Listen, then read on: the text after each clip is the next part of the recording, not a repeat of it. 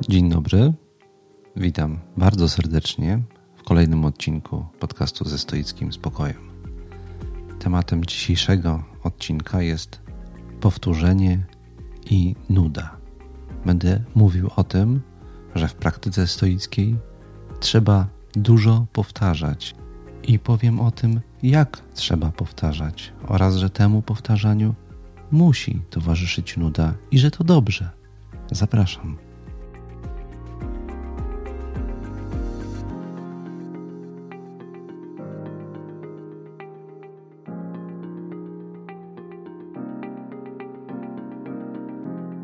Tak zarysowanym we wprowadzeniu temacie powinienem chyba zacząć od wyrażenia nadziei, że Was dzisiaj, moi słuchacze, nie zanudzę, ale ściślej rzecz biorąc, ci, którzy wniknęli w zamysł, jaki leżał u podstaw tego, co powiedziałem we wprowadzeniu, zrozumieją, że właśnie ja powinienem mieć nadzieję, że Was znudzę.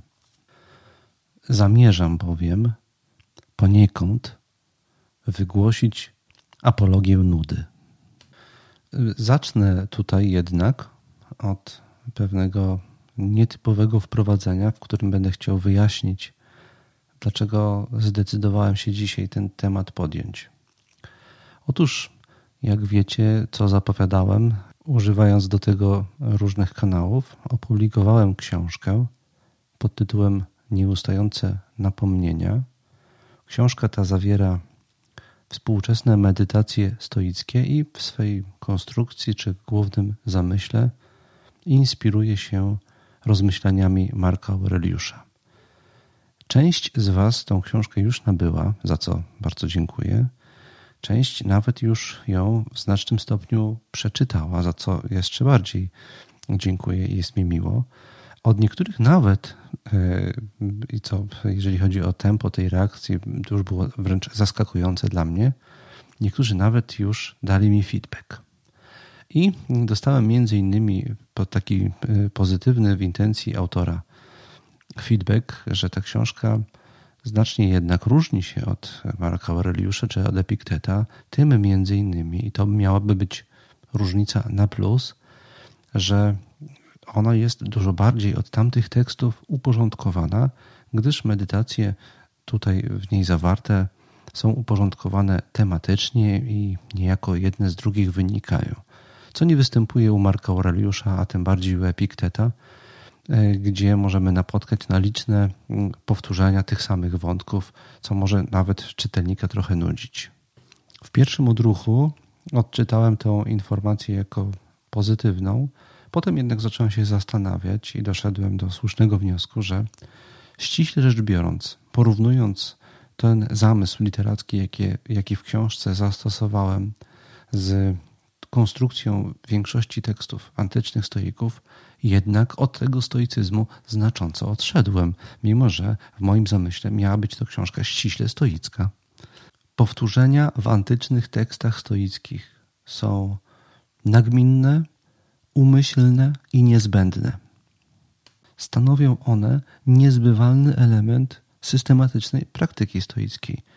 Tymczasem ja, kierując się bardziej nowoczesnymi, współczesnymi standardami komponowania tekstu, zupełnie bezwiednie wyrugowałem ten element z mojego tekstu. Jeżeli zatem ktoś z Was, moich słuchaczy, sięgając po nieustanne napomnienia także odczuje brak powtórzeń jako swego rodzaju wadę tekstu. Za to mm, bardzo przepraszam, podkreślając, że jest to jakoś znak naszych czasów, być może, że uległem temu schematowi. Mm, I obiecuję, że jeżeli podejmę się kiedyś kontynuacji tego projektu w postaci na przykład drugiego tomu, to tam już będzie dużo powtórzeń.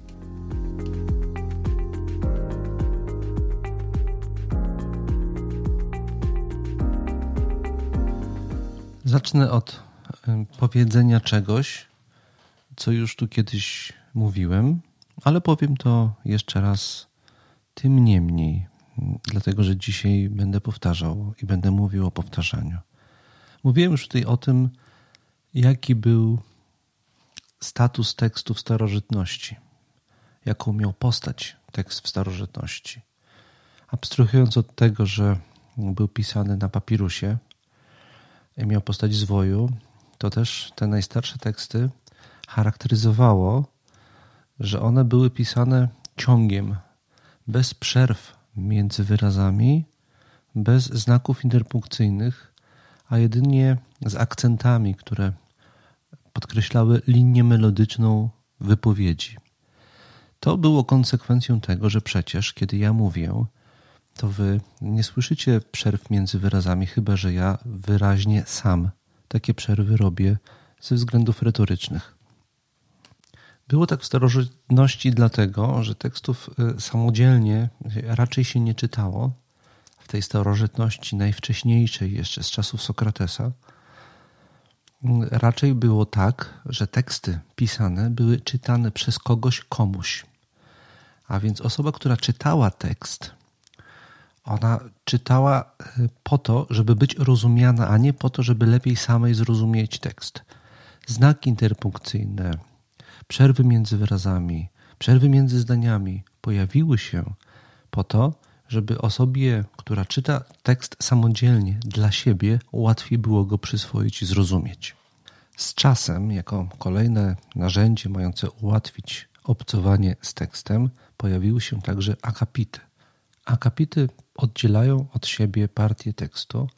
Dzisiaj sądzimy, że głównym tego celem, czy głównym tego powodem jest ułatwienie zrozumienia tekstu, to znaczy, że widzimy wyraźnie, że dzieli się on jakoś na odrębne merytorycznie części, ale wielu historyków podkreśla, że prawdopodobnie jednym z powodów tego było, że teksty cały czas były czytane na głos i czytający potrzebował co jakiś czas przerwy, żeby na przykład zwilżyć gardło.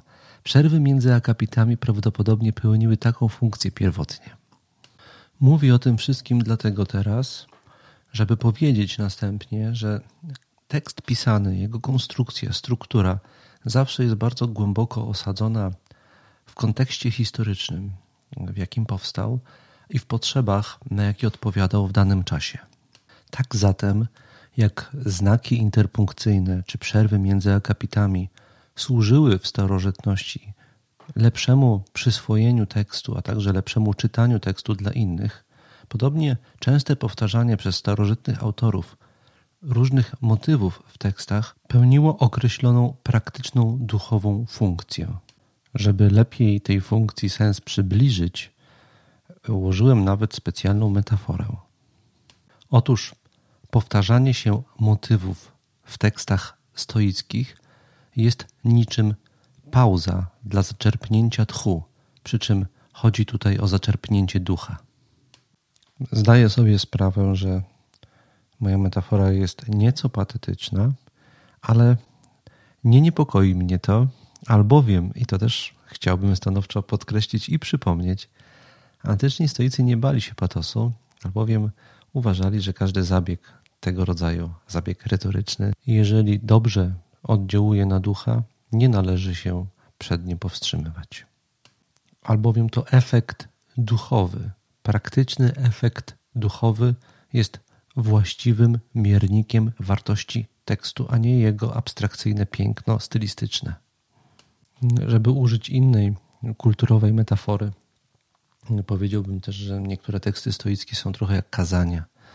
Kazania w kościele, w których nieustannie pojawiają się te same wątki, te same metafory, nawiązania do tych samych wartości i tematów, po to, żeby utrwalić to, co najważniejsze, żeby słuchacz, a w przypadku tekstów czytelnik, mógł co jakiś czas regularnie zaczerpnąć ducha, a przez zaczerpnięcie ducha mam na myśli sięgnięcie do prawd, zasad, reguł najbardziej podstawowych.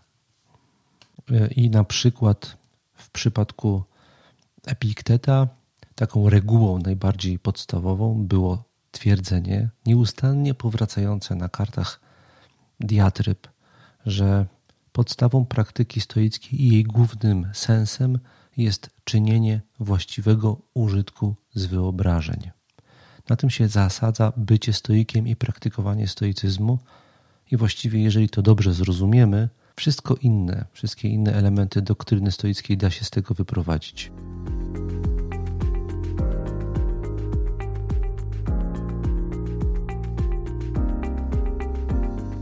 Podobnie i ja dzisiaj dla Was przygotowałem coś w rodzaju krótkiego kazania, które w swojej formie, można powiedzieć, jest pod pewnym względem taką stoicką rekolekcją. Podobnie jak ideą rekolekcji jest powtórka podstawowych zasad, tak w stoicyzmie nieustannie do tych podstawowych zasad się wraca, nieustannie do nich wracamy i nieustannie opowiadamy je od nowa na nowo, doprecyzowując jakieś elementy, wynajdując lepsze, pasujące nam emocjonalnie metafory i lepiej na nas oddziałujące. E, I moim pomysłem na ten podcast, e, zapowiadałem jakiś czas temu, że będą zmiany. Moim pomysłem na ten podcast jest, żeby mniej czasu poświęcać na rozważanie teoretycznych problemów, o których wiem, że nierzadko często jest podążać za zawiłą myślą, e, czy słuchaczowi, że takie rzeczy lepiej być może zawierać jest w tekstach. Za to więcej miejsca chciałbym poświęcać na właśnie takie niby kazania, które w nowej formie próbują opowiedzieć o tym samym na, na zasadzie napomnienia i przypomnienia. Dzisiaj mm, przygotowałem fragment, który właściwie jest moją próbą zmierzenia się, współczesnego zmierzenia się z tym mm, powiedzeniem Epikteta, że wszystko, na czym powinno nam zależeć, to umieć właściwie pracować z naszymi wyobrażeniami, właściwie posługiwać się naszymi wyobrażeniami. I ja chciałem dzisiaj dla siebie, ale także dla Was spróbować lepiej to uchwycić, lepiej to wyjaśnić, bardziej precyzyjnie. Zawarłem to w postaci takiego krótkiego kazania, które teraz odczytam. E, przystępuję zatem do odczytania tego krótkiego kazania. Uważajcie. Badaj, gdzie się dokładnie zaczyna i gdzie kończy Twoja wolność. W jakim obszarze realizuje się Twoje rzeczywiste działanie, na co jedynie masz wpływ, a na co wpływu już nie masz. Wciąż od nowa ponawiaj to badanie. Po pierwsze, dlatego, że się w ten sposób umacniasz w sobie, po drugie, dlatego, że nigdy nie zrozumiesz tego dostatecznie. Zawsze będziesz się tylko zbliżał do całkowitej ścisłości. Pamiętaj zarazem, co powiedział Heraklit o usiłowaniach poznania siebie. Choćbyś wszystkie przeszedł drogi, granic duszy jednak nie napotkasz. Tak głęboki jest jej logos. Więc ty dzisiaj ponownie wstąp na tę drogę, drogę uściślania. Przypomnij sobie to, co już wiesz i wytęż wzrok, żeby to zobaczyć jeszcze wyraźniej i dalej, żeby jeszcze lepiej uchwycić granicę i pozostać po właściwej jej stronie. Czy ode mnie zależy to, co mi się przydarza? Nie, nie od ciebie. Ale przecież ode mnie zależy, czy przyjmę to, co mi się przydarza. Czy uznam to za rzeczywiste, czy nie, prawda? To jeszcze nie dość jasne, nie dość wyraźne. Musisz to doprecyzować. Dobrze, zatem zbadajmy to teraz. Zanim zareaguję na to, co mi się przydarzyło, mogę się zatrzymać, zyskując w ten sposób czas na ocenę, czy to, co mi się przydarzyło, jest rzeczywiste, a więc ocenić, czy mi się to naprawdę przydarzyło, a nie wydawało mi się tylko. Widzę teraz wyraźnie, że w tym doświadczeniu są trzy składniki, a nie dwa. Po pierwsze, że coś mi się przydarzyło, po drugie, że mogę powstrzymać odruchowe uznanie realności tego, co mi się przydarzyło, a po trzecie wreszcie, narzędzia poznawcze, za pomocą których oceniam realność tego, co mi się przydarzyło. To są trzy zupełnie różne składniki. I teraz w badaniu oddzielam je od siebie starannie, żeby zobaczyć następnie, jakie zachodzą między nimi zależności. Ponawiam więc pytania, już teraz w nieco bardziej precyzyjnym porządku. Czy jest ode mnie zależne doświadczenie, że mi się coś przydarzyło? Nie, to nie jest od ciebie zależne. Czy jest ode mnie zależne, czy powstrzymam automatyczną ocenę realności tego, co mi się przydarzyło? Tak, to jest zależne tylko od ciebie. Czy jest ode mnie zależne za pomocą jakich narzędzi poznawczych oceniam realność tego, co mi się przydarzyło? Tak i nie. Pod pewnym względem tak, ale pod pewnym względem nie. Musisz to jeszcze dokładniej zbadać. Zatem badam tę sprawę dalej. Badam dalej siebie, badam swój sposób bycia w świecie. Kiedy już powściągnę automatyczną ocenę realności czegoś, co mi się przydarzyło, to na jakiej właściwie zasadzie przeprowadzam następnie tę ocenę w sposób nieautomatyczny i świadomy? W jaki sposób i kiedy właściwie jestem w moim świadomym ocenianiu wolny? Czy nie jest może tak, że jestem zakładnikiem schematów poznawczych wpojonych mi przez otoczenie, a nawet przez samego siebie? Przecież nie mogę tak nagle w obliczu określonego wydarzenia zastosować do oceny jego realności mechanizmu, którym nie dysponuję. Tak, to prawda, ale przecież powiadam sobie, mogę potem przeprowadzić badanie moich schematów poznawczych, ocenić ich spójność i użyteczność, a nawet je ewentualnie skorygować, wypracowując w ten sposób mechanizm, którego mi brakuje. Ponownie wróćmy do moich pytań. Nie jest ode mnie zależne, czy coś mi się przydarzyło, czy nie, ale jest ode mnie zależne, czy odruchowo ocenię realność tego, co mi się przydarzyło. Te dwie rzeczy wiem już na pewno. Mogę więc albo ocenić coś odruchowo, albo nie. Tylko ode mnie zależy, którą z tych dwóch możliwych reakcji wybiorę. I w każdej chwili mam dostęp do tego podstawowego wyboru: odruch bądź namysł. Tutaj też jest pierwsza przestrzeń mojej wolności. Ale szukajmy dalej, szukaj, szukajmy drugiej przestrzeni. Czy tu i teraz, w momencie powściągnięcia automatycznej oceny, ode mnie jest zależne, jak oceniam to, co mi się przydarzyło? Nie. Tu i teraz nie jest to od ciebie zależne. Kiedy mój sposób oceniania jest ode mnie zależny? Tylko wtedy, kiedy odgrodziwszy się od wszelkich zdarzeń zewnętrznych, nie musząc powściągać reakcji na nie, pogrążysz się medytacyjnie w sobie i zbadasz swoje nastawienia poznawcze i swój sposób myślenia. Tak, i to jest mój drugi obszar wolności. Stoik ma tylko te dwa obszary wolności. Tylko w tych dwóch obszarach w pełni streszcza się jego sprawstwo i tylko w nich jest w pełni sam sobą. Wszystko inne jest od niego niezależne i nie powinno go zbytnio obchodzić. Co zatem oznacza być sobą i być wolnym?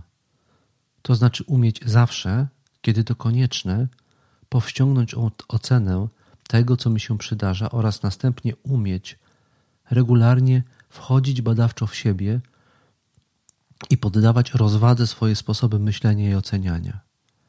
A ponieważ całe moje życie, wszystkie moje decyzje i reakcje zależą właśnie od tego, jak sprawdzam się w tych dwóch obszarach, dlatego wszystkie moje reakcje i wybory w pełni zależą wyłącznie ode mnie. Są manifestacją bezpośrednio lub pośrednio mojej podstawowej duchowej wolności. I poza tą duchową wolnością, żaden inny rodzaj wolności za bardzo mnie nie obchodzi. Koniec kazania. I jeżeli potrzebujesz, to wróć teraz oczywiście do początku kazania i jeszcze raz sobie je odsłuchaj zobacz, jak ono w tobie rezonuje. Jego istotą jest powtórzanie stałych motywów, tych, które już tutaj wiele razy przytaczałem. O uchwyc- chodzi tutaj o uchwycenie tego momentu wolności. Starałem się połączyć w nim dwie, dwa style narracji, Epiktyta i Marka Aureliusza. Mam wrażenie, że to słychać wyraźnie. I, I, jeżeli dobrze pójdzie, jeżeli mm, nieustające napomnienia mm, dobrze zostaną odebrane, to być może był, byłby to, to, co teraz przedstawiłem, pierwszy wpis drugiego tomu. Tak e, sobie o tym w tej, tej chwili myślę. Dobrze. To jeżeli chodzi o to kazanie, które przygotowałem. Mm, na koniec tylko chcę powiedzieć jeszcze o nudzie. O niej stosunkowo mało mówiłem dzisiaj. Więc y, po pierwsze mam nadzieję, że trochę się dzisiaj nudziliście. I to właśnie bardzo dobrze. Nie wiem, czy wiecie, ale wielu badaczy, psychologów podkreśla, że nuda ma ścisły związek z kreatywnością. jeżeli macie kryzys kreatywności w życiu, jeżeli macie mało pomysłów, jeżeli czujecie, że ugrzęźliście, zafundujcie sobie porządną dawkę nudy. I być może to jest też jeden z elementów praktyki stoickiej, ważnych elementów praktyki stoickiej. Jest w niej wymóg nieustannego wracania do tych samych motywów. Ale właśnie ten nieustanny powrót do tych samych motywów sprawia, że z nudów zaczynamy robić to za każdym razem trochę inaczej. W efekcie tego, tej innowacji, wynajdujemy takie ujęcia, takie wersje tych starych, antycznych taktyk, które są nowe i które trafiają właśnie do nas. I do tego rodzaju podejścia, do nudnych praktyk stoickich, bardzo gorąco Was zachęcam.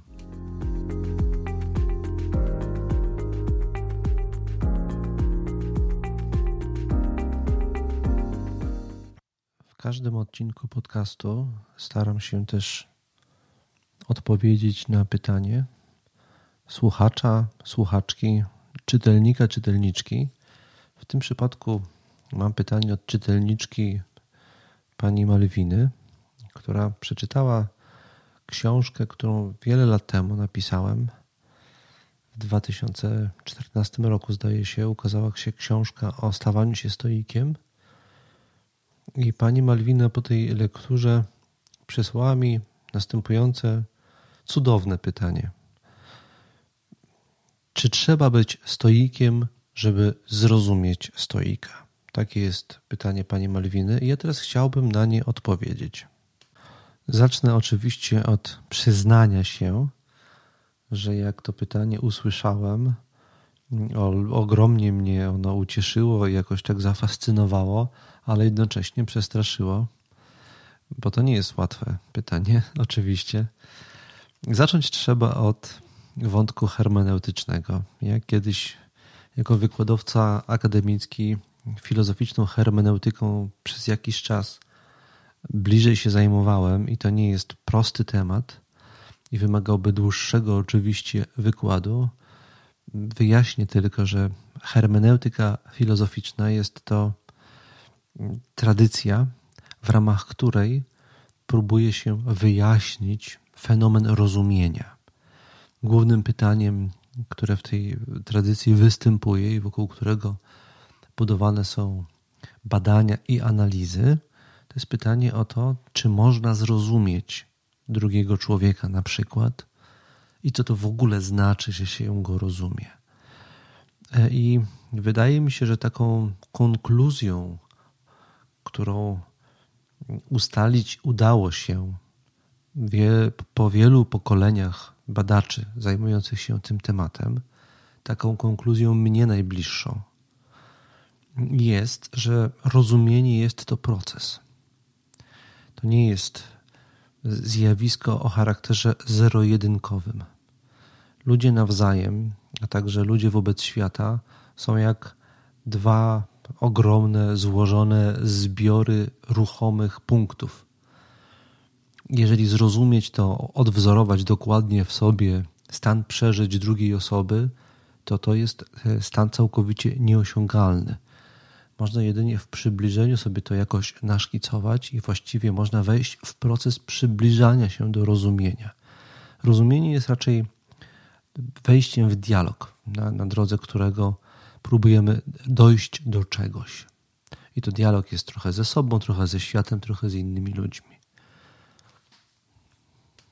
Mnie osobiście także wydaje się, że kluczowym elementem, a i chyba punktem wyjścia procesu rozumienia drugiej osoby jest próba naszkicowania sobie dwóch rzeczy. Po pierwsze, co dla tej, dla tej drugiej osoby jest ważne, najważniejsze i jak do tego, co dla niej jest ważne, ma się jej postępowanie. A więc zrozumieć drugą osobę to zrozumieć zależność jaka w życiu tej osobie, osoby zachodzi między tym, co uważa ona za ważne, a tym, jak postępuje.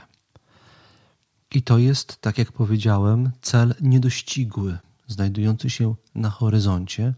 Możemy jedynie do niego zmierzać. I podobnie jest ze stoicyzmem. Stoik to jest ktoś, kto uważa pewne rzeczy za ważne, za najważniejsze dla niego rzeczy. Najważniejszymi dla niego rzeczami są mm, tradycyjnie rozumiane cnoty, a więc stany jego ducha, które on w sobie ćwiczeniami pielęgnuje. I całe jego życie, jakość, decyzje, jakie w jego życiu zapadają, tryb jego życia, sposób, w jaki spędza czas, są podporządkowane pielęgnowaniu tych cnót. Taka zależność zachodzi między jego życiem a jego uznaniem za ważne czegoś. Więc jeżeli my widzimy u kogoś tego rodzaju zależność między najważniejszymi wartościami a sposobem postępowania, to jesteśmy na drodze do rozumienia go. Żeby w pełni to zrozumieć, faktycznie zostanie stoikiem jest tutaj przydatne. Więc odpowiadając najprościej na pytanie pani Malwiny, powiedziałbym, że zostanie stoikiem sprzyja procesowi zrozumienia stoika, jakkolwiek nie jest do tego niezbędne. Koniec odpowiedzi na pytanie.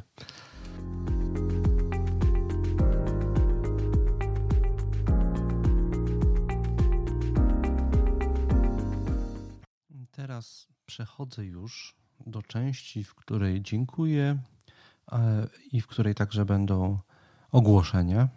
Mm, więc zacznę od podziękowań ale, ale w nietypowy sposób. Ja dostaję od Was bardzo dużo różnych maili, pytań, komentarzy, informacji zwrotnych, a także po prostu podziękowań. I za cały ten feedback, za to, że to faktycznie e, jakoś po stoicku wszystko żyje. Za to bardzo, bardzo chciałem Wam podziękować i podzielić się chciałem w ramach tych podziękowań pewną specyficzną postacią czy przejawem takiego współczesnego stoickiego życia, które się pojawiło i po prostu jakoś żyje i się toczy. Otóż niedawno miałem urodziny. Część osób sprawdziła to na Facebooku i od y, sporej części ze słuchaczy i nie tylko słuchaczy dostałem różne życzenia i duża część z nich okazała się być bardzo stoickimi życzeniami. Chciałem podać e, dwa skromne tego przykłady, żeby już tutaj bardziej niż trzeba nie przynudzać.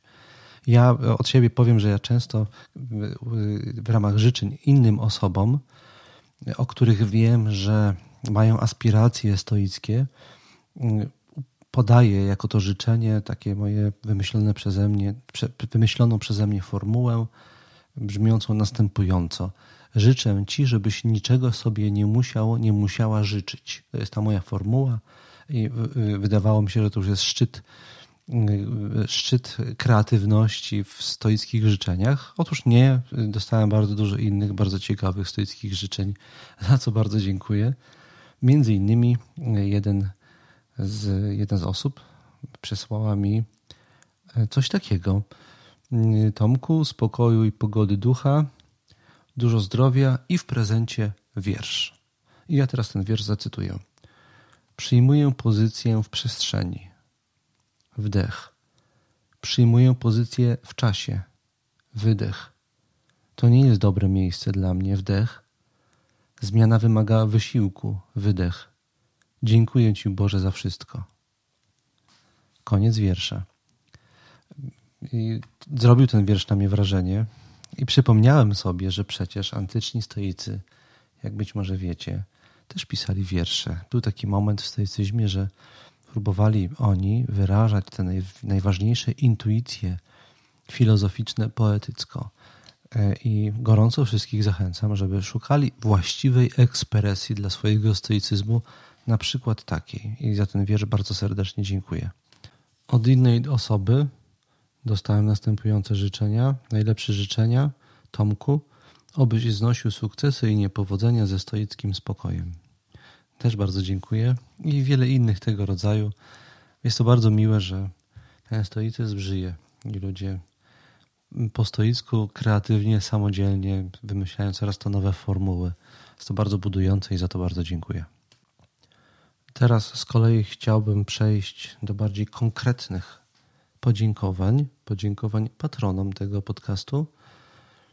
Jak wiecie, można ten podcast, jego produkcję e, i jakość wesprzeć datkiem za pośrednictwem platformy Patronite. Wszystkich, którzy ten podcast i zawarte w nim treści uważają za cenne, oczywiście bardzo gorąco zachęcam do wyrażenia swojej wdzięczności, jeżeli możecie.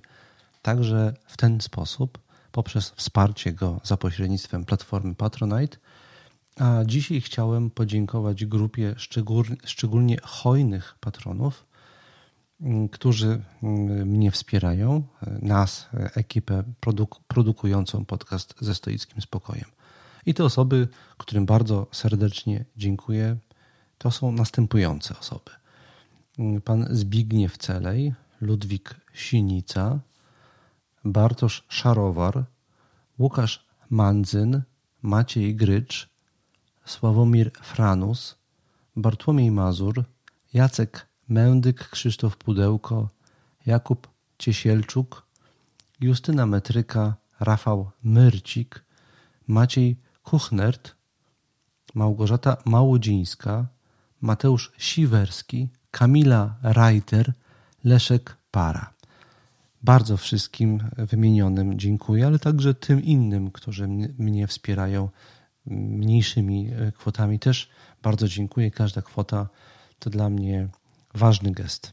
Obiecałem także ogłoszenia e, i do, do nich teraz chciałem przejść. Wszystkim patronom przypominam, że widzimy się na początku grudnia na spotkaniu na warsztatach filozoficznych online. Scenariusz tego spotkania dostaliście e-mailem wszyscy. Jeżeli ktoś nie dostał, dałem, dostałem takie zwroty, że mail y, podany na platformie Patronite przez Was jest nieaktualny. Bardzo proszę sprawdzić, czy podaliście ten adres właściwy swój.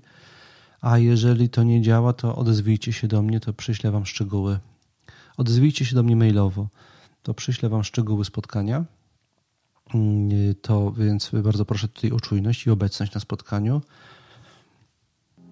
Chciałem także powiedzieć, że już ustaliłem terminy kolejnych warsztatów stoickich one będą miały miejsce na przełomie marca i kwietnia. Mm, to jest podstawowy termin, ale zarezerwowałem także dodatkowy termin na okoliczność, gdyby znowu się okazało, że jest za mało miejsc, a za dużo chętnych. Y, I niedługo to ogłoszę, także będzie można się zapisywać. Tylko odrobinę proszę jeszcze o cierpliwość. To z mojej strony na dzisiaj wszystko. Bardzo dziękuję za uwagę i do usłyszenia w następnym odcinku podcastu ze stoickim spokojem.